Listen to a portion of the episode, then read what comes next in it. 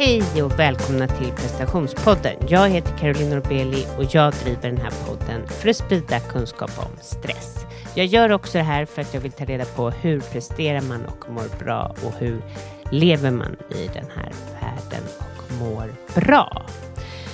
Ja, jag befinner mig hemma. Det avskyr jag på semestern, att vara hemma. Det, när man har eget företag så är det ju som att man jobbar, eller det känns som man jobbar. Man kanske får ett mejl eller samtal eller ja, det händer alltid någonting och jag vill ju förespråka på att vara helt ledig. Därför sticker vi ofta iväg någonstans och eh, jag undviker att kolla på både mejl och annat. Men nu är vi hemma några dagar och det brukar vi. Alltså, jag skrattar så åt mig själv för att jag kommer ihåg mina förra försnack när jag var i Deja och jag har det så underbart och jag är så otroligt positiv. och så sitter jag här nu och det är typ, ja, det har gått från då att vara i 30 grader till eh, 19 grader och åh gud, det blir ju mer krångligt och jag skulle faktiskt önska för hela svenska folket att det kunde få lite bättre temperatur. Precis som det var när man jobbade. Alltså jun, maj, juni var det ju otroligt fint. Och eh, ja, ni har säkert gått igenom det här i, i er själva och med andra. Men ja, jag, jag inser och vi, jag skrattade så åt min man precis innan jag gick in här för att titta på honom och båda ser så himla som att vi har tappat det bara för att det inte är som den temperatur vi har tänkt. Vi har till och med åkt ut till Älgö dit vi brukar åka och bada och eh, det var som att bada vinterbad. Det var det har jag ju ingenting emot i för sig. Men just nu under sommaren hade det varit härligt med någonting annat. Ja, nej, jag tycker vi är värda, alla, alla som lyssnar på den här podden, hela svenska folket, lite mer sol. Inga, inga överdrivna temperaturer, men liksom 23-24 grader och varmt i vattnet. Alltså, tanke på vad det jag gör med den här podden är att jag vill sprida kunskap om stress och minska utmattning och så. Jag tror det här är jättepåfrestande för människor som går på semester och det inte blir, får den värmen som, som de vill ha eller den avkopplingen.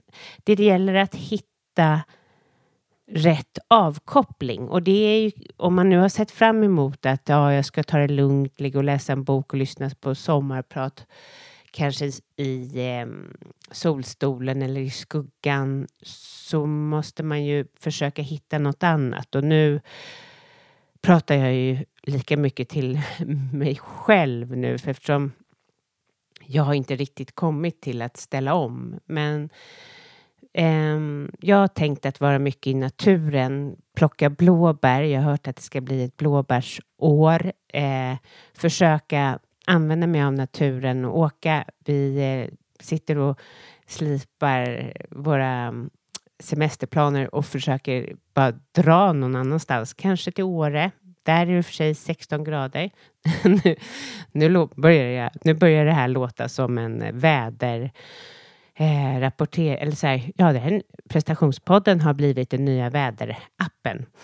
Nej, men eh, jag är allvarlig när jag säger att vi eh, behöver mer än så här. Vi behöver återhämtning och att eh, är det inte så att man eh, är på ett ställe där det är mycket regn och man bara känner att det inte blivit som man vill, så försöka ställa om och hitta det, man, det som ger någonting till en själv ändå, fast det inte var av det man har tänkt först helt enkelt.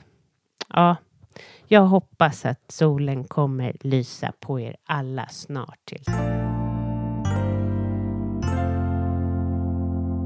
Häromdagen så var jag, eh, eller så hade jag några goda vänner på middag och hon, min vän eh, Karin, hon sa det att eh, hon hade gjort sig av med en av sina bästa kunder som också har varit en av de värsta kunderna och som har tagit extremt mycket tid och kraft och, och liksom slit och så. Så hon liksom hon tog och var så otroligt modig och valde att bara, nej, jag säger upp den.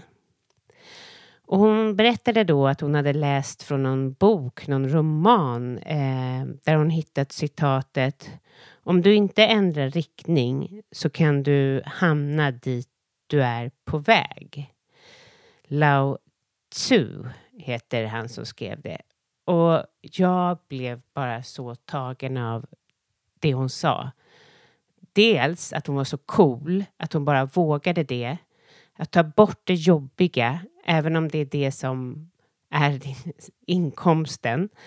Att våga det för att lita på att det kommer någonting bättre. Men också det här citatet, om du inte ändrar riktning så kan du hamna dit du är på väg.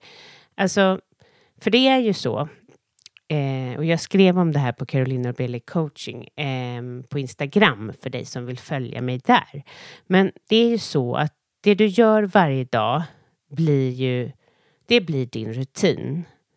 Och det blir ditt välmående och, eh, och liksom det skapar din framtid. Och du kan inte man kan inte fuska. Man tror ju det lite grann. Så här, ah, ja, jag är, det kan ju vara allt ifrån rutiner som att man går och småäter eller man inte går ut och tränar. Man tror man, hopp, man ska egentligen det, men man fuskar med det. Man har satt upp som mål att springa varannan dag, men man gör inte det. Men man kan ju inte fuska med det där. Livet förbiser ju inte det. Alltså livet ser ju det. Eller, och, det, och du kommer ju få det resultatet. Och jag tänker också att det har lite med samma sak som att eh, om du har en dröm i sikte, alltså så här, hur du nu vill, du vill eh, jobba på något företag, eh, säger vi, där du mår på ett visst sätt, där du, eh, ja, där du liksom blomstrar, säger vi. Men det, då måste du börja göra de saker som den drömmen innehåller. För att du kommer inte komma någonstans med den energin där du är idag som inte liknar den energin som, du är, som drömmen innehåller.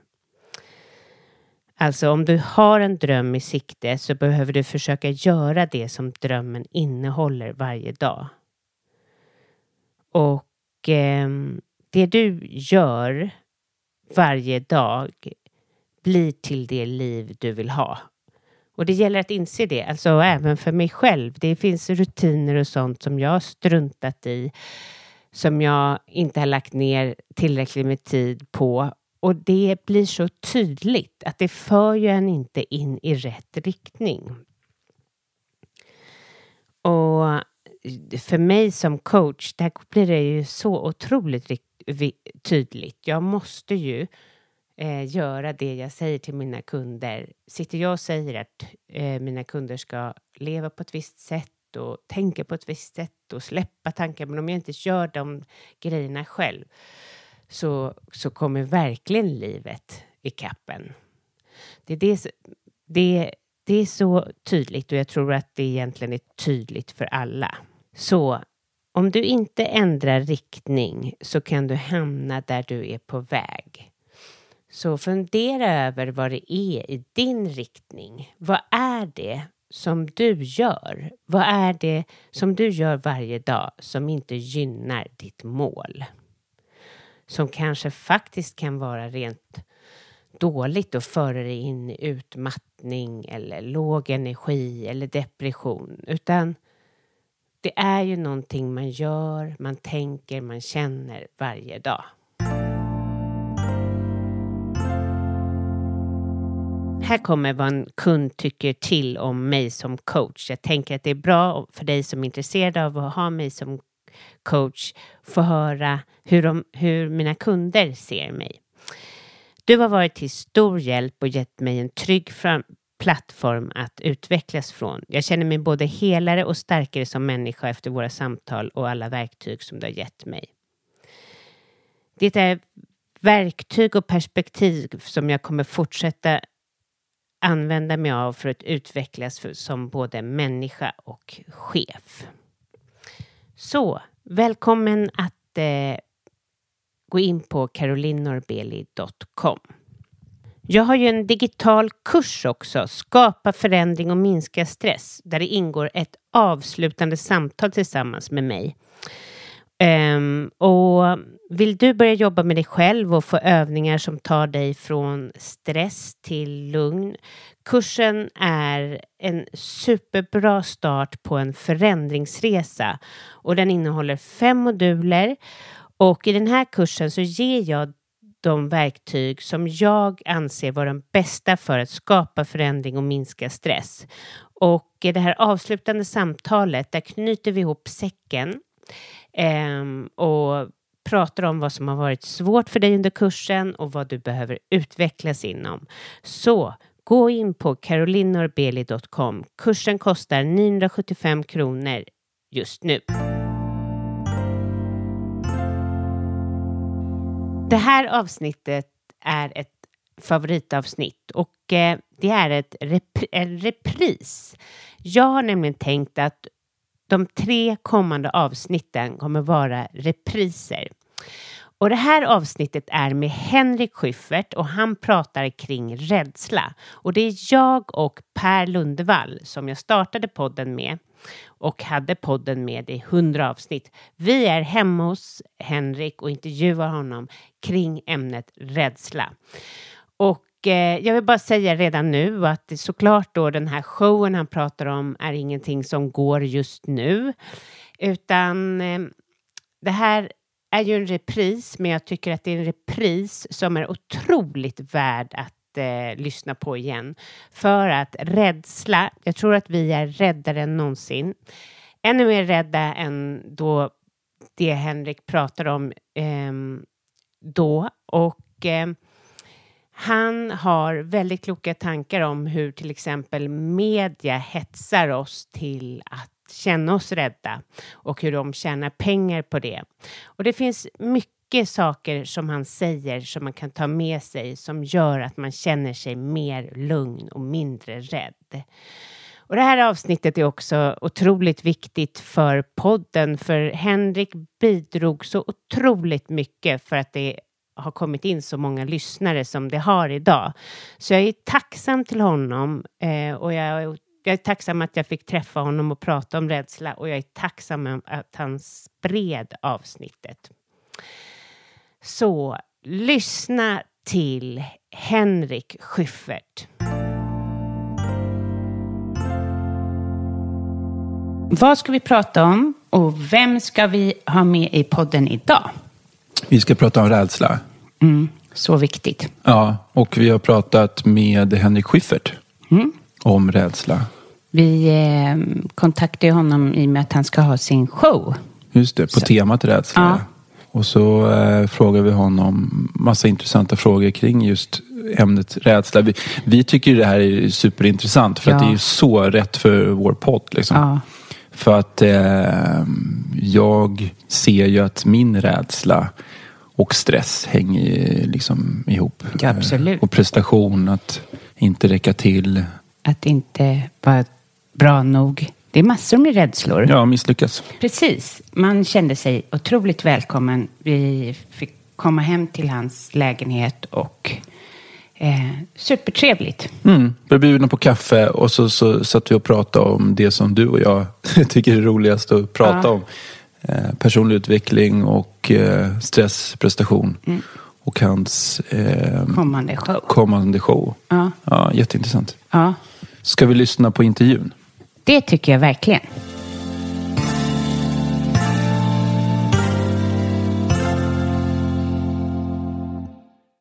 Välkommen till prestationspodden Henrik. Tack så hemskt mycket. Tack för att vi får komma hit. Ja, men det är praktiskt för min skull.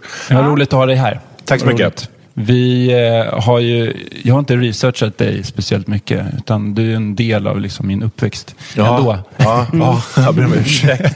Nej, men det, det, har ju gett en, en, dimension såklart. Vi ska prata lite om, eh, du har en ny show på gång. Just det. Och ja. du har ett tema i den. Som... Ja, den heter Var inte rädda. Eh, det ska bli en standup-föreställning som jag ska ut med i, i vår. Schyffert.se om ni är intresserade. Och där ska jag då ta, den ska bli rolig. Det är det som är tanken. Det ska vara en och en halv timme rolig standup. Men jag har ett löst tema som går ut på att eh, vi har liksom accepterat en värld där vi hela tiden ska gå omkring och vara lite rädda och lite oroliga och att de här rädslorna styr oss helt och hållet idag. Det finns någon sån här gammal tes när man skriver filmmanus. Jag har gått sådana här manuskurser. Och då säger de att hjälten kan bara påverkas av två saker. Det är rädsla eller kärlek. Det är de två hållen hjälten kan springa till eller från. Ingenting annat fyller någon funktion. Och så tänker jag att vi fungerar om man bryter ner oss här väldigt basic så är det så. Men nu har det blivit så här de sista åren att eh, ja, det som hände igår, det här är då dagen efter Trump blev president. Ja. Vi sitter och pratar om det här. Det valet var ju 100% rädslostyrt. Alltså han piskade upp sina anhängare att rösta på honom för att de var rädda för mexikaner, muslimer, eh, Washingtons elit, Hillary Clinton, Illuminati. Eh, det var ju det att vi skulle vara rädda för framtiden. Globalisering. Så här. Det var ju det han vann där på. Och, liksom, och det accepterades. Istället för att komma ut och säga att det här är mina lösningar. Mm. Så här tycker jag att vi ska lösa saker och ting. Så, så var det inget prat om det alls. Utan bara så här. Om ni inte röstar på det här kommer det här att hända. Inget av det han säger kommer att hända. Det finns Nej. ingen fakta som pekar på det överhuvudtaget. Det är totalt båg allting. Men man går på det. Mm. Alla lever i sina små filterbubblor och har sina flöden där man följer och där är allting. Man tycker likadant i de flödena och där piskar man upp någon slags rädsla. Och alla då, det är inte bara politik utan det är också så att Aftonbladet vinner på att vi ska vara rädda för slukhål. Det har varit fyra löpsedlar om slukhål. Ingen har någonsin sett ett slukhål. Nej. Ingen vet vad ett slukhål är. Eh, Sats vill att vi ska vara rädda för att vi är otränade och har hängiga rumpor. Babyland vill att vi ska vara rädda för eh, trapp vi måste skaffa trappgrindar till ungarna. Inga ungar som har ramlat ner för trappan. De liksom, ja. Det går bra. Och så här lever vi idag.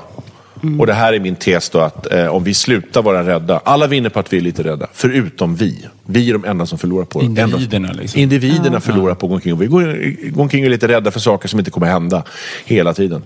Och vi har accepterat det här. Och det är så idiotiskt att vi går runt och liksom bara köper det här istället för att säga att det, det kommer inte hända. Det kommer inga vägpirater på E18 de här stackars EU-migranterna som sitter framför 7-Eleven. Du behöver inte ge dem en spänn, men var inte rädd för dem. De gör ingenting. Men frågan är då, det låter nästan som en konspirationsteori här. Är det någon som styr det här eller är det någonting som är inneboende? Ja, det är något som styr det här. Det är marknaden som styr det här och tillväxten styr det här. Alla vinner på det här. Aftonbladet tjänar pengar på det här. Babyland tjänar pengar på det här. Sats tjänar pengar på det här. Trump och SD och de här populistiska partierna tjänar röster och makt på det här. Så det, en, det här är en marknads... Eh, motor som styr det här. Hade vi kunnat göra så att det inte... Alltså förr i tiden så var det, fanns det ett nyhetsutlopp. Det fanns liksom, på dagarna fick man fick inga nyheter på dagarna. När jag växte upp så var de så här, har det hänt något? Jag har ingen aning om det har hänt något. Vet inte. Man visste ingenting. Man fick vänta till halv åtta och då var det Rapport och där satt Bengt Öster i hög hatt och frack med spindelväv på ansiktet och var jättetråkig och pratade om Kubakriser och spannmålspriser och sånt där. Och det var inget kul alls, men det var sant. Ja. Det var 100% sant.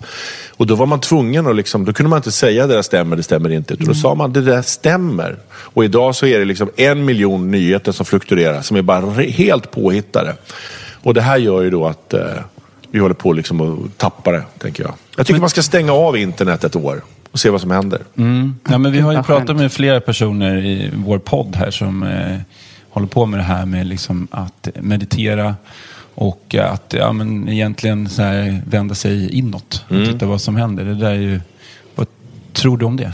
Alltså jag tror så här att vi är helt, som jag tänker på marknaden och tillväxten, så har den gått ut på full fart framåt, uppåt, framåt, vidare hela, hela tiden. Sen andra världskriget så har det varit gaspedalen som gäller. Och det här har fungerat. Det har vi lärt oss att den här gaspedalen funkar. Den har gjort oss från ett av Västeuropas fattigaste länder till ett av världens rikaste länder på liksom nästan bara två, tre generationer. Så vi är inprogrammerade i huvudet att jobba och skrika och slita och framåt och försöka liksom, eh, bygga är rätta vägen. Men nu tänker jag, nu kommer, snart kommer en punkt där man måste säga att vi måste prova bromspedalen. Och se om den, men den är aldrig använd, den är helt rostig. Liksom. Men vad, vad bromspedalen, vad, hur, Ja men att du kanske inte behöver köpa alla nya saker eller åka på alla resor eller hela tiden få ett större, bättre jobb eller byta lägenhet eller skaffa ny bil. Och, och hela tiden så jaga det här som vi tänker är målet.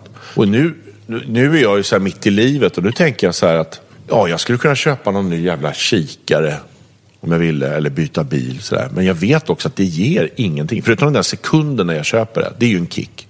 Men sen ger det ger ingenting. Sen sitter jag här igen. Och det där tror jag är jätteviktigt. Att vi måste lära oss att omprogrammera oss. När du pratar om att titta inåt. Då tror jag så att eh, det där är läskigt att göra. Vi har aldrig gjort det. Och vi har också blivit upplärda av marknaden och tillväxten att det där är fel. Varför är det fel? Varför tycker marknaden det är fel? För de har, de har aldrig provat det. det. Det andra fungerar. De vet att det andra fungerar. Men to a point kommer det att fungera. Sen kommer en dag kommer det vara så här att eh, så länge när folk slutar tro på det där och märker att det finns ingen lycka i de här nya grejerna. Så här, då kommer det där bara rasa som ett jävla korthus och då måste vi ha en plan B.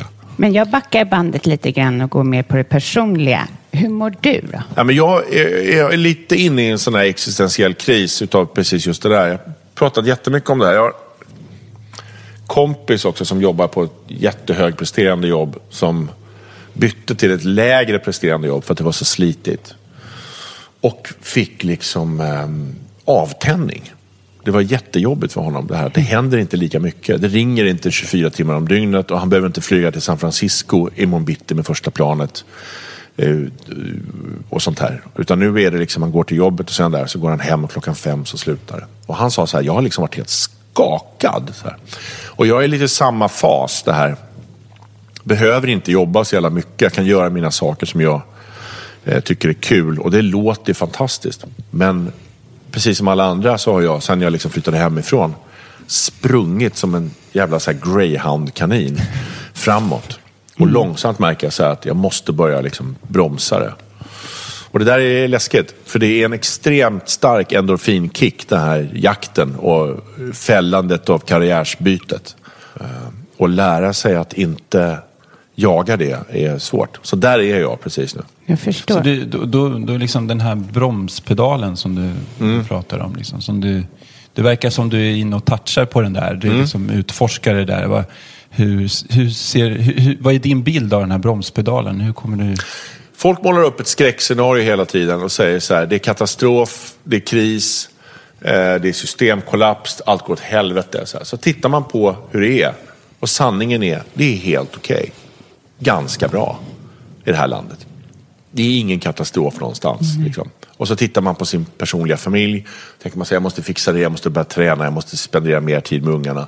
Jag måste laga mat sju gånger i veckan. Eh, jag måste skriva gulliga sms eh, till min mamma som jag inte pratar med. Så tänker man så här, jag kan också skita i allt det där och det blir helt okej. Okay. Vi kan mm. käka hempizza tre dagar den här veckan. Det kommer ändå inte vara någon större fara. Och det mm. där tänker jag är att man måste lära sig och det tror jag är bromspedalen. Det är inte mindre, men bara så här. Idag händer inte så jävla mycket. Och det är helt okej okay, att det inte händer så mycket. Men det man måste ta i beaktning då är hur svårt det är när man under, liksom, som jag då, 30 års tid har bara så sprungit med andan i halsen. Jag har fått man måste omprogram- ja, få, om, precis, man vinner på det. Man får bekräftelse ja, av det. Och man vinner på det, inte bara i karriär och inkomster och så här, utan också så här endorfinkickar av att man får beröm. Och, har ni tänkt på när man träffar någon på så här gatan, så nästan alltid så får man så här, mycket nu eller? Ja. Som en så grundfråga. Mm. Mm. Och så nu försöker jag svara så här, nej, inte så himla mycket på gång faktiskt. Vad får du för reaktion? Och då blir, det blir en väldigt spännande reaktion. Och bara, åh fan, jaha, är det lite så här? för det vanligaste svaret är ju så åh oh, gud, det är bara snurra på, jag vet inte när jag ska hinna med allting. Så. Men bara att man ställer den frågan, att grundfrågan inte är liksom, lagom nu eller? Utan den är liksom, nollställningen är att vi räknar med att alla har det skitstressigt. Mm. Det är liksom där vi möter varandra. Men strävan kanske är lyckan då? Är det det du säger? Nej, men vi tror det. Vi, tror det. vi har blivit programmerade det. Mm. Lycka har ingenting med det att göra. Det här, nu har jag läst men om det här. Men det är svårare med det andra.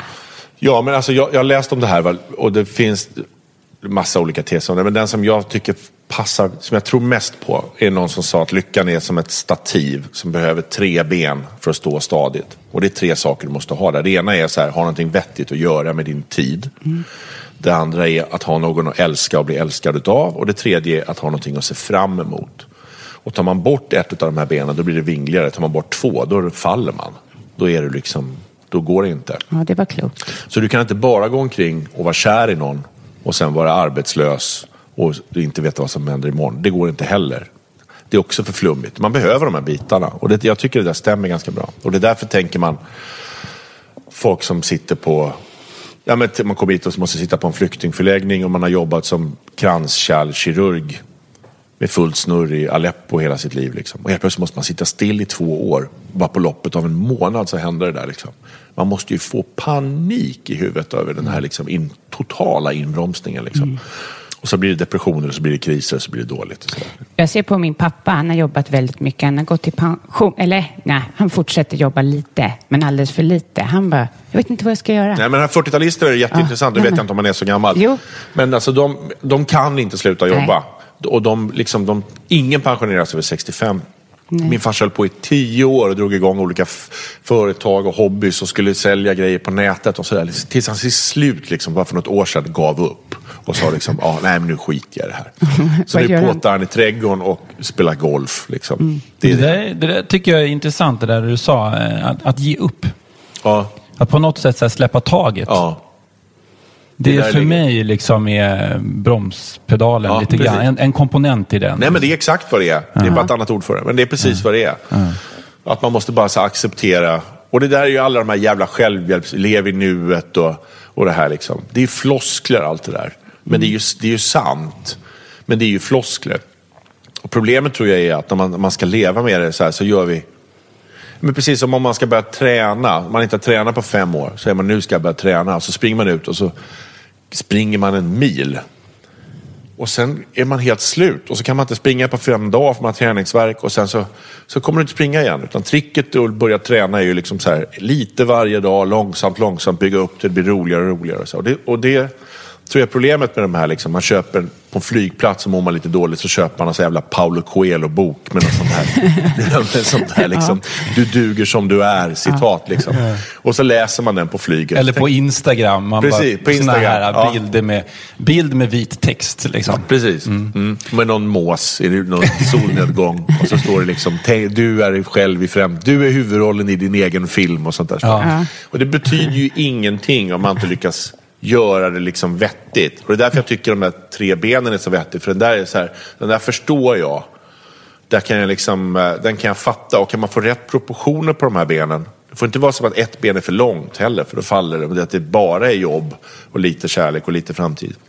De ska vara liksom välbalanserade det där. Hur kom du in på den här tanken med rädsla? Den dök upp eh, jag vände på den här gången så jag tänkte nu ska jag skriva bara skämt, saker som jag är intresserad utav jag, tänkte, jag, jag, alltså jag gjorde en show för tio år sedan som hette The 90s. Som var väldigt självutlämnande och den blev extremt uppskattad. Jag spelade den i två års tid och det var mycket med den där. Och sen var det sån ångest då, hur, hur ska jag upprepa det där? Så gick jag runt och hade ångest för det. Och sen kom jag på att jag ska inte upprepa det där. Jag ska bara skita det. Jag ska göra någonting som är lite sämre, tänkte jag. Ja, men just den här tanken att sänka ja, ribban. Ja, nudda bromspedalen. Ja. Jag kommer inte göra det där igen. Alla har man har en sån här story i sig. Alltså Guillous Ondskan eller eh, Åsa Linderborgs den där boken och de här. Alltså, mm. Jag hade, det där var min. Jag kommer inte upprepa det där. Och tänkte att istället ska jag bara skriva det jag brinner för just nu och det jag är intresserad av och berätta vad jag är just nu. Det får bli det. Och så får det bli vad det blir. Och då började jag skriva på det. Och sen efter ett tag, när jag skrivit typ ett halvår, då märkte jag att den här tråden fanns undermedvetet i alla mina rutiner. Så här. Den här rädslogrejen ligger och spökar. Och då lyfte jag upp den. Så gjorde jag, jag gjorde liksom tvärtom istället. Började med skämten och sen så märkte jag så här, fan det är nog det här jag vill säga. Vad är du rädd för? I så här eh, grader av riktig rädsla så är jag precis, förstås rädd. Ett, att mina barn ska fara illa. Är det absolut värsta som kan hända. Att de jag är nära och kära efter det faller, skadar sig, gör sig, händer något med dem är det, värsta. Och sen jag, att det händer något med mig. Och sen efter det så är det jobbgrejer. Vad är det då? då? Eh, min största rädsla är att jag inte är rolig. Det är mitt största rädsla. För att jag tänker, det är mitt jobb. Om jag tappar, alltså det är väl som att man... Och spe, spela piano och bryter fingrarna liksom. Om det är ens jobb. Det är läskigt. Ja, det är ett stort krav. Att vara rolig. Ja, det och det är också bara. det som är bra. För det får upp mig på morgnarna. Den rädslan får upp mig på morgnarna. Ja. För om jag var så här, pff, äh, jag behöver inte anstränga mig. Jag, jag, vet att jag kan det här. Då går det inte. De gånger jag har gjort det och försökt liksom ringa in det så har det gått åt helvete. Vad har hänt när du inte har varit rolig? Ja, men då händer det där som när man säger till folk att man jobbar som ståuppkomiker och så får folk panik i ögonen och säger Gud, jag skulle aldrig kunna ställa mig på en sån här scen. Fy fan vad hemskt här. Det är ju folks grundtanke. För man har den här känslan i, i eh, ryggen. Det finns ett gammalt Seinfeld-skämt som är så här. Det gjordes en undersökning i USA över vilka, eh, vad vi människor är mest rädda för. Mm. Och prata inför folk var på första plats. Och döden kom på andra plats. Det. det här är liksom en sann lista. Det betyder alltså, hans skämt är då, det betyder alltså att på en begravning skulle vi alltså hellre ligga i kistan än stå bredvid och läsa den här dikten. Och så är det, för det, och det är också därför alla i vår bransch använder de här orden. Jag dog på scenen, jag bombade, jag dödade dem. Vi använder de, de här, alltså Shakespeare-beskrivningar. För så jobbigt som ni tror att det är att stå där när ingen skrattar, exakt så jobbigt är det. Det är fruktansvärt att göra det. det är lite händer det dig ofta? Nej, nu händer det ganska sällan. För nu har jag blivit bättre på det. Jag vet, av erfarenhet så vet jag, jag har gjort så liksom flera tusen gånger jag gjort det. Ja. Så nu vet jag så här att även om det går dåligt så har jag en grej som jag kan lägga till. Ja, eller ändra, flytta in och säga jag kan ja. rädda det. Ja, vad bra. Och det kommer ni inte märka förhoppningsvis. Men det går bättre och sämre naturligtvis. Men är det, är det alltså kan du, har du vant dig vid den här situationen när det blir dödstyst? Ja, det har jag. Och det KBTade jag bort. Det var en, en tjej som heter Anna-Lena Brundin som är komiker. Och hon sa, när, precis när jag började så sa hon, så, jag var så här, jävla läskigt att bomba. Alltså, att bomba är ju då att stå där och ingen skrattar. Mm. Mm. Och folk börjar titta på telefonerna och någon går och det hostas. Och det, är liksom, det är vidrigt. Mm. Och då sa hon så här, gör en lista på 1 till 20 och sätt på kylskåpsdörren. Och varje gång du bombar så skriver du upp det datumet. Och så blir du glad. Nu är det bara 19 kvar. Skönt. Och så gör du sådär. Och sen varje gång så fyller du i. Och så efter ett tag så kommer du sluta bomba. Och det, när jag kom till liksom tio gånger, sen var det liksom fyra, fem år tills det hände igen. Och sen har jag liksom tagit bort den här listan, behöver den inte längre. Så man kan öva posit tänka positivt. Istället för shit jag bombar tänker man gud vad skönt, nu är det bara 18 gånger kvar. det är ett sätt att lösa det på. Ja, du, du, är rädd för, om vi liksom bara, du är rädd för att inte vara rolig. Mm. Eh, och då är det på högsta plats. Vad kommer tvåa då?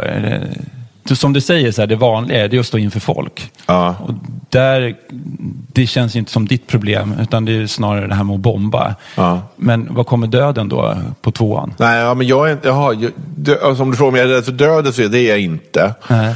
Eh, jag tänker att... Jag eh, försöker hitta din lista här. Jag förstår liksom. det. Men det är roligt att tänka på döden så här att man, när man är yngre så var man var inte det. Det tror man man kan klara allt. Sen får man barn. Då blev jag rädd för att flyga och sådana grejer. Det här tror jag är väldigt vanligt. Ja. Man säger shit. Så mm. Och sen så glömmer man bort det igen. Sen tänker jag så här att nästan alla personer som har levt på den här planeten har klarat av att dö. Mm. Att de, man lyckas med det. Nästan säger du. Ja, men, nej, det var ju ett skämt. Men alltså, alla som har, alla som har liksom levt här historiskt sett har klarat av att dö. Man har lyckats prestera Det är väldigt få det. som har misslyckats med att dö. Så jag tänker att jag kommer också lyckas med det där. Mm. Så tänker man så, då tänker jag så att ja, det kommer väl det kommer lösa sig ja. på det vänster. Men om jag ska hitta en annan rädsla. Eh, jo, men jag tror så här att det hänger ihop. så här. Jag vill få folk att skratta för då blir jag sedd. Och när jag blir sedd så blir jag bekräftad. Och när jag blir alltså, älskad, bekräftad, betydelsefull. Alltså får jag vara med i gemenskapen. Och det tror jag är ledet. Och jag tror att alla i grund och botten, den största rädslan är att bli ut, utesluten ur gemenskapen. Att man inte får vara med längre. På grund av någonting som har hänt. Och det, det är en rädsla. Men jag tror att man tänker inte så. Utan man tänker liksom, jag måste bli bättre på innebandy så jag inte får vara med och spela på lördag. Man tänker på den här konkreta grejen. Men i, i slutändan handlar det om att få vara med i gemenskapen. Mm. Eller jag måste liksom raka mig och gå upp i tid och duscha. Eh, så att min tjej tycker att jag är fin när vi träffar henne på lunchen. För då får jag vara med i hennes gemenskap. Mm. Men i grundändan så liksom så här, shit jag har inte duschat tänker man så här. Men du är inte rädd för det. Du, I det långa loppet är du rädd för att bli bortstött. Och det tror jag är den, den största rädslan i livet man har. Är det någonting som i ditt liv som har hänt som triggar det där? För du sa någonting tidigare som har hänt. Nej, men jag bara menar så här, eh, svar på den frågan, nej. Jo. jag ändrar mig. Eh, någonting för, jag menar så här att, att, en aktivitet, som jag säger, så här, jag är rädd för att inte vara rolig. Mm. Den leder i slutändan till att jag är faktiskt rädd för att bli utesluten ur gruppen. Det är det det handlar om. Punkt. Mm. Tinder samma sak. Mm. Alltså man vill bli sedd och bli, få vara med mm. i gruppen. Mm. Liksom. Det, det, det, här är liksom symptomer på sjukdomen. Det är det jag menar.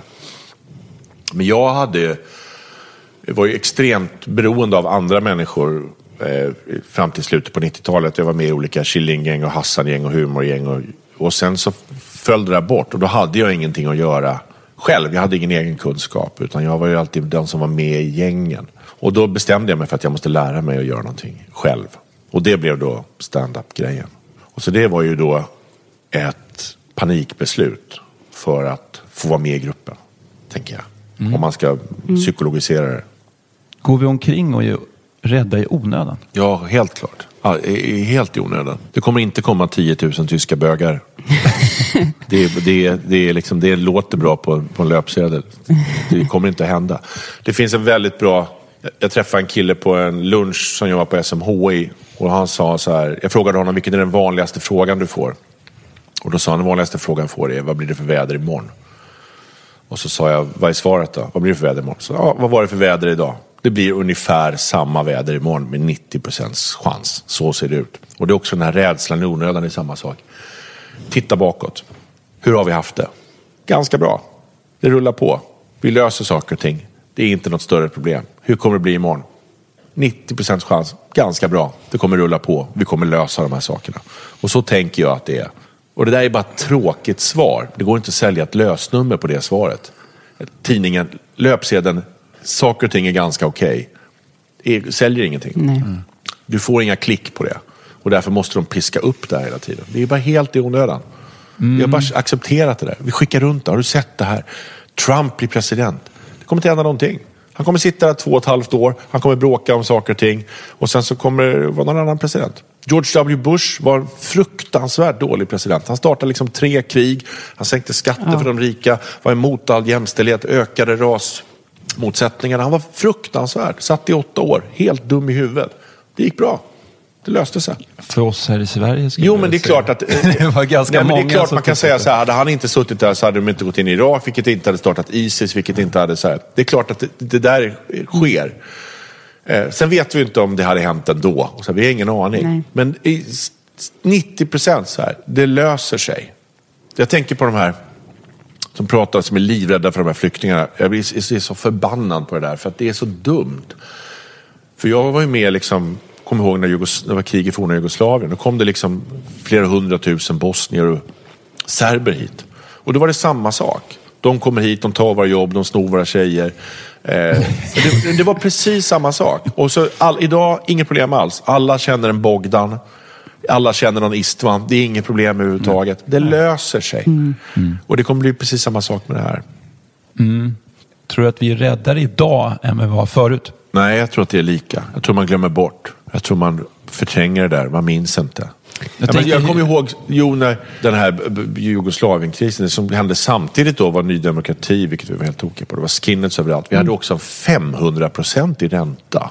Mm. De har helt glömt bort. Alltså folk var livrädda att hela jävla ekonomiska systemet skulle krascha. Det var totalt kaos liksom. Mm. Idag minns man inte.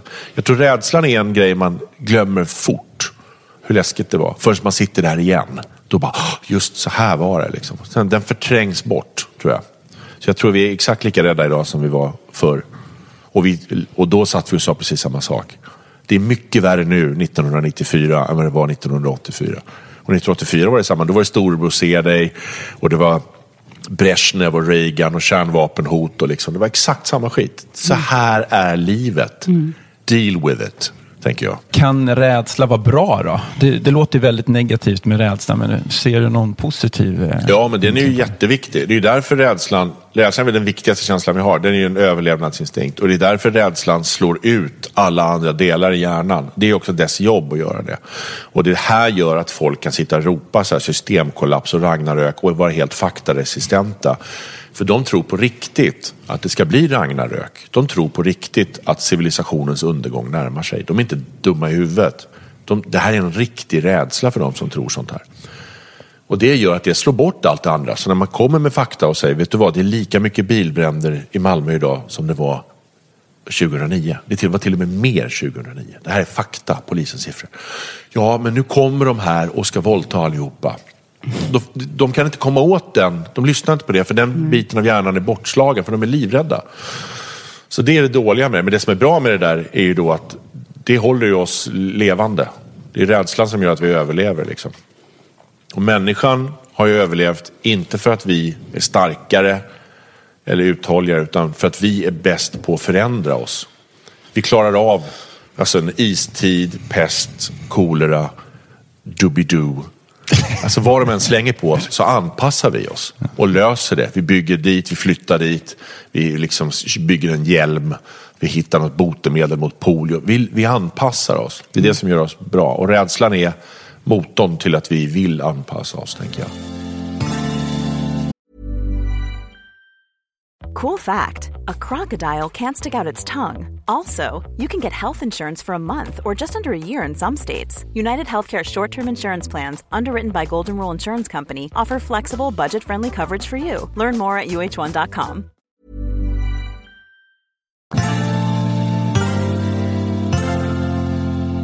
Varför väljer vi inte kärlek ja, före rädsla? Den är krångligare. Den kräver liksom mer arbete, kärlekslinjen. Den kräver liksom att man sätter sig in i den. Och, eh, också att du måste våga visa dig lite svag för att vara kär. Det tror jag är en viktig grej. Jag tror att en, en riktig relation kräver att du inte bara måste visa dig svag, du till och med vill visa dig svag. För om det är en person du älskar, då vill du visa upp dina skavanker och dina svagheter. Och ju öppnare och svagare du vågar vara, desto starkare blir kärleksrelationen. Medan rädsla och hat, det är motsatsen. Där ska du visa dig stark. Vi ska ha stängdare gränser, hårdare straff. Vi ska vara eh, tydligare mot folk från andra länder. att de inte, du vet, Det ska vara tuffare och det är enklare att göra det. Och det är intressant då, för att då, då säger du så här, det är krångligare utifrån, och då tänker jag utifrån att skriva en artikel eller ja, ett löp då till exempel. Eh, rent mediamässigt. Men personligen, Jo, men så, så vinner vi ju väldigt mycket mer på kärlek. Liksom. Ja, men det är jobbigare att visa dig svag för någon. Mm. Det var därför, alltså, det, det, om du sitter i ett möte och alla kommer och säger, jag tycker verkligen vi ska, måste satsa nu på tredje kvartalet, det här ser helt fel ut och ränteavdragen är inte ens med i budgeten. Sitter någon så här, liksom, nu måste vi skärpa oss. Det är lätt. Än att sitta och säga så här, Gud, jag tycker det känns jättejobbigt det här med vad vi ska ta vägen och jag vet inte vad fan jag håller på med här. Liksom. Det är svårt att göra det. Och det är det jag menar med lätt eller svårt. Ja. Och det tror jag är grejen, att kärlek kräver svaghet. Och det är mycket jobbigare för oss. Den, det är precis, vi har gasat i hundra år, det är lättare mm. än, att, än att bromsa och visa sig, jag vet inte riktigt. Och det är jobbigt att stanna bilen och fråga efter vägen. Det är lättare att säga, äh, det är här någonstans och köra runt i tio minuter till. Lite manligt också. Ja, det, det, det, det är enklare. Även fast det tar längre tid och det är dummare och dyrare så är det jobbigare att säga, förlåt, jag vet inte var fan jag är någonstans här. Ja, men det är ju svårt inom, inom relationer, alltså inom sin nära relation, att det är lättare att vara lite hård mm. egentligen. Så är det tycker jag. För det värsta är ju som om du visar dig svag och ingen köper det. Ja. Då, du, du, alltså, det var ju min oro med den här 90s-grejen. Alltså jag, här, det jag ska göra här är liksom öppna upp bröstkorgen och lägga ut hjärtat på diskbänken och säga liksom, så här ser det ut. Mm. Och om de, nu gick det ju bra, men de kunde också bara tittat på det där hjärtat och sagt liksom, vem fan bryr sig? Och gått vidare. Och då hade jag fått stå där och stoppat in ett kallt hjärta in i min egen bröstkorg och syende. det. Det har ju varit en extremt obehaglig situation. Att inte bli omtyckt för när man har försökt visa upp sig i sitt lilla svagaste. Vad har du lärt dig av det där? Att ju svagare du vågar visa dig, desto starkare blir du. Mm. Så enkelt är det. Mm. Och det är det som är det krångliga med det här, att man måste förstå det. Här, I en värld som vi har just nu, ju öppnare vi är, ju mer vi anammar globalisering, välkomnande, desto starkare kommer vi att bli. Precis som i en kärleksrelation är det så. Men det, man, tror, man tror att vi blir starka genom att säga nej. Det gör du inte. Det enda som händer om du säger nej är att du, liksom, det är att du behåller kontrollen. Säga ja betyder jag litar på dig. Eh, plus att det betyder liksom när vi har sagt ja kan man säga liksom, oh, sen vad ska vi göra då? Efter den grejen, vad ska vi göra då? Man kan gå vidare, utveckla, göra nytt. Liksom. Om det är som en av mina bästa kompisar. Hon visar sig själv precis som hon är till alla. Och hon har enormt mycket vänner. Mm. Alla älskar henne mm. och hon säger de mest konstiga saker om sig själv hit och dit. Inget fel på henne, men hon gör verkligen det. Och det är sant som du mm. säger. Men det, det, kostar på för henne att göra det. Ja. Eh, men om man vågar satsa det där så kan Mm. man få Men jag hjälp. tänkte liksom vårt första avsnitt i den här podden, eh, då berättar ju vi, alltså anledningen till att vi började med den här podden, det var att jag kände att jag mådde inte bra av hemligheten av att ha misslyckats. Jag brände ut mig, alltså jag hade ett ja, bra jobb, jag liksom presterade helt enkelt, fick den här externa bekräftelsen och sen så rasade allting. Och jag kände att jag behövde ehm, komma ut med den där. Alltså att komma ut, nu liksom, att komma ut ur garderoben liksom, och säga så här, det här är jag. Och så berätta den här storyn. Och det var en enormt stor rädsla inom det där. Ja, men det var exakt, du gick igenom exakt samma grejer. Och sen så är det liksom, ja, men, många som har lyssnat på det där. Och i takt med att ju fler som lyssnar, desto bättre känns det. Ja, så är det. Och bara visa så här, att den här äh, svagheten, det är så här, jag är människa liksom. Ja, och det är väl det, liksom allt, alla de här anonyma alkoholister och sånt, det är det enda det går ut på. Du ska sitta och berätta hela tiden hur jobbigt det är, hur svårt det är, liksom, vad jag går igenom. Och, så här. och genom att berätta det så blir man långsamt lite starkare. Ju svagare du vågar visa Du kan inte gå på ett A-möte och säga liksom, ah, men det är, saker och ting är helt okej. Så Har du varit på A-möte? Nej, jag har inte varit på något A-möte. Men alltså, jag, jag, jag, har- jag tänker att det, det det går ut på, det som gör folk starka är att man i grupp visar för varandra, hej, vi kämpar med det här. Och det gör dem starka.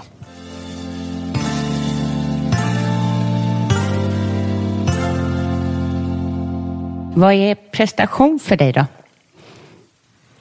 Jag tänker prestation är för mig när jag absolut inte vill, absolut inte orkar, absolut inte har någon lust, men ändå gör. Det är prestation för mig.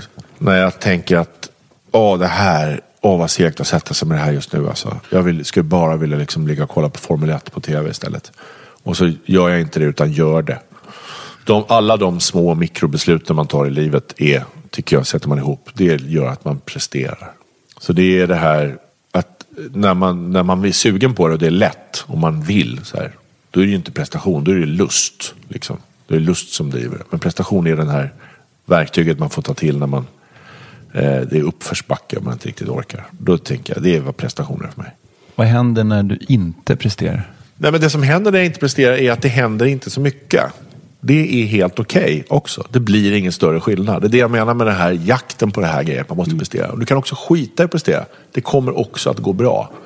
Sen kan du inte göra det hela livet och bara sitta hemma på soffan. Det, det går ju inte. Men några gånger kan du tänka så här, jag behöver inte prestera. Jag kommer klara mig. Det kommer rulla på. Jag tror att det, det, saker och ting är okej. Woody Allen sa en bra grej. Han sa så här, nu, ska jag, nu parafraserar jag, kommer inte ihåg vad han sa exakt, men typ så här sa han att 90% of success is showing up. Ja. Och det tänker jag är, han har så jävla rätt i Ja, det. det tycker Kom jag. dit i tid, hyfsat nykter, lyssna på vad folk säger. Om du lyckas göra det typ liksom 90% av, eh, om du lyckas göra det större delen av livet så kommer det gå väldigt, väldigt bra för dig. Kom i tid. Kom, Det- jag menar inte kom i tid, men bara dyk upp Show up. och var där. Ja. Men jag tänkte du lägger till det här med kom i tid. Ja, det lägger jag till, men det är för min kommer sjukdom. Och så, så show up. Nej, men det är bra. Men det, det är någon form av liksom så här känsla av att ja, men jag har ett värde. Mm. Att jag behöver komma dit och sen så blir det bra för att jag är bra.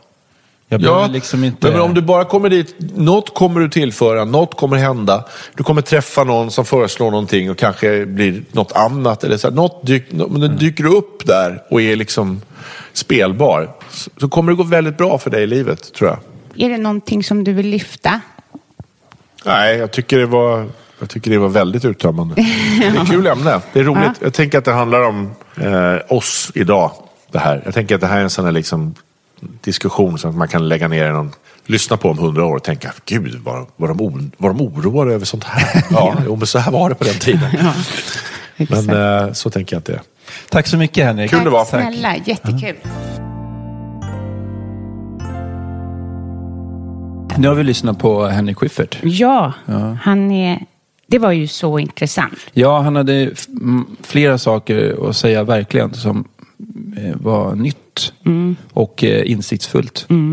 Eh, man märker att han har läst och eh, studerat det här eh, området rädsla tidigare eh, i och med sin tidigare show med Ja. det här med ägd. Precis. Han pratade om eh, ekonomi. Precis. Och och eh, att han spinner vidare på, fast gör det här, liksom, äh, spinner djupare. Han utmanar tankarna och går längre mm. än vad de flesta människor, tycker jag, gör. Och det mm. gör honom väldigt intressant. Mm. Han hade en rädsla, eller har en rädsla att inte vara inkluderad. Att det är mm. viktigt för honom att få vara med i ett gäng. Så är han väldigt bra på att få en att känna sig inkluderad. Om det nu är eh, när vi sitter och gör en intervju eller när man sitter och tittar på honom när han står på scen så känner man ju verkligen så här det är jag och Henrik. Så, ja, verkligen. Man ja. sitter på cirkus och sen så är det mm. fullsatt och sen så blir det ett personligt tilltal. Så han har ju verkligen, eller det känns som han har lärt sig av sin egen rädsla. Ja, och sen så tog han upp det här med, han, han pratade om eh, att han hade KBT kring sin största rädsla. Mm. Det var att bomba, det vill säga att eh, dra ett skämt och sen så är det ingen som skrattar. Och att han då hanterade det genom att göra en lista på de sakerna. Eller, han gjorde en lista på 20 gånger som han skulle beta av. Att han bombar 20 gånger och skriva datum då. Ja, det var ju väldigt intressant. Och det där kan jag använda i mitt liv. Vad har du som för förslag? Ja, men ditt, alltså, om jag ser till ditt liv till exempel. Du skulle kunna ringa upp, eh, avsäg att du ska ringa upp hundra eh, samtal under en vecka. Du ska ringa till företag, ligger på Östermalm, där, din, där du har ja, din mindful, ja. mindfulness-näste. Eh, mm. Ja.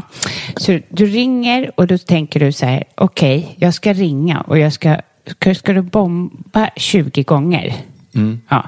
Eh, och det är liksom, det är okej, okay, för då blir det inte lika läskigt att få så här, nej, vi vill inte ha en mindfulness coach på det här företaget. Nej, vi vill inte ha en mindfulness. Då är det liksom, då är du bara, ja, då kryssar jag i här. det blir ju jättebra. Mm. Nej, vi är så stressade, vi har inte tid. Ja, precis. Det är ju ofta. Ja, när vi inte mm. stressar. Ja. Men eller... Men jag har inte tid att stressa ner. Jag har inte tid att stressa ner. Mm. Men det var väl en jätte, ett bra råd av Henrik. Mm. Ja. Och så, så tyckte han att vi är alldeles för rädda. Alltså vi är rädda i onödan. Ja. Och att medierna, eh, eller det är väldigt många som vinner på att vi är ja. rädda. Medier. Och att de eh, tjänar pengar på det. Ja. Precis som Henrik sa så tycker jag vi ska försöka släppa på rädslorna. Ja, tänker mm. på det. Du och jag i alla fall. Och så kan vi se om det är någon annan också. Men att försöka säga, okej, okay, vad är det som, varför, varför är jag stressad? Vad är det jag är rädd för? Ja. ja hur plockar vi bort det då? Jo, men att börja och, och se. Eh, att just det att vi lägger ner, tackar nej till saker, eh, rensa schemat lite grann. Så att vi får tid för oss själva och prova på det. Eh, då kommer rädslan. Mm. Och då vet man vad det är? Ja, och eh, känslor är inte farliga. Vi går omkring och försöker fylla våra liv väldigt ofta. Det är en drivkraft att eh, hålla oss sysselsatta. Eh, och det, det, har ju gagnat oss, eller det gagnar ju oss hela tiden. Vi får ju jobb och vi liksom jobbar på. Men samtidigt så kanske vi känner innerst inne att vi... Eh, det är någonting annat som behövs. Liksom. Och då att rensa schemat lite grann, sätta sig ner och sen så möta den här rädslan och inse att ja, alla känslor är 90 sekunder. Att komma upp i den här rädslan, man känner att hjärtat slår. Det, man kanske får tryck över bröstet till och med. Eh, men sen går det över. Mm. Uppleva den, att det går över. Och då ta med sig den känslan att det går över ja. vidare. Och då blir man inte lika rädd längre. Fantastiskt att ha Henrik hos oss i alla fall. Ja, verkligen. Mm, vi är verkligen. verkligen tacksamma och vi fick eh, jättemycket ut av det. Och jag tycker att det är roligt för att då kan vi föra vi hoppas att det är fler som lyssnar också. Ja. För, då prat, för vi vet ju, vi har ju den här podden mm. för att prata om eh, stress och prestation. För att vi märker ju att andra mår bättre av det mm. och vi mår bättre mm. av det. Så att ju fler som kan lyssna på eh, det här och må lite bättre. Mm. Det är framförallt därför som vi vill liksom sprida det. Sprida ja. vi har lite kända gäster. Och sen mm. har, de, har de ju tänkt en hel del, gästerna verkligen. Ja, ja, verkligen. Och Henrik hade ju verkligen gjort det. Så det, det, är två, verkligen två, två sidor. Mm. Att eh, få sprida och få de här kloka tankarna. Och eh, så vill vi passa på att tacka alla lyssnare tack för att ni lyssnar Mm, och verkligen. för alla fina kommentarer och så. Och så tackar vi Alexander Sjöblom. Och så tackar vi eh, Fredrik Store. Han vår kompositör. Ja. Ha det bra där ute. Hej då. Hej då. Tack för att du lyssnar och tack till dig som går in på eh, din podcastrapp, alltså där du lyssnar ifrån och lämnar en recension. Eller som sprider avsnittet. Podden behöver spridning eh, och jag blir superglad för alla er som skriver till mig, tipsar om gäster eller skriver vad, vad ni tycker om podden. Tack, tack för att du lyssnar.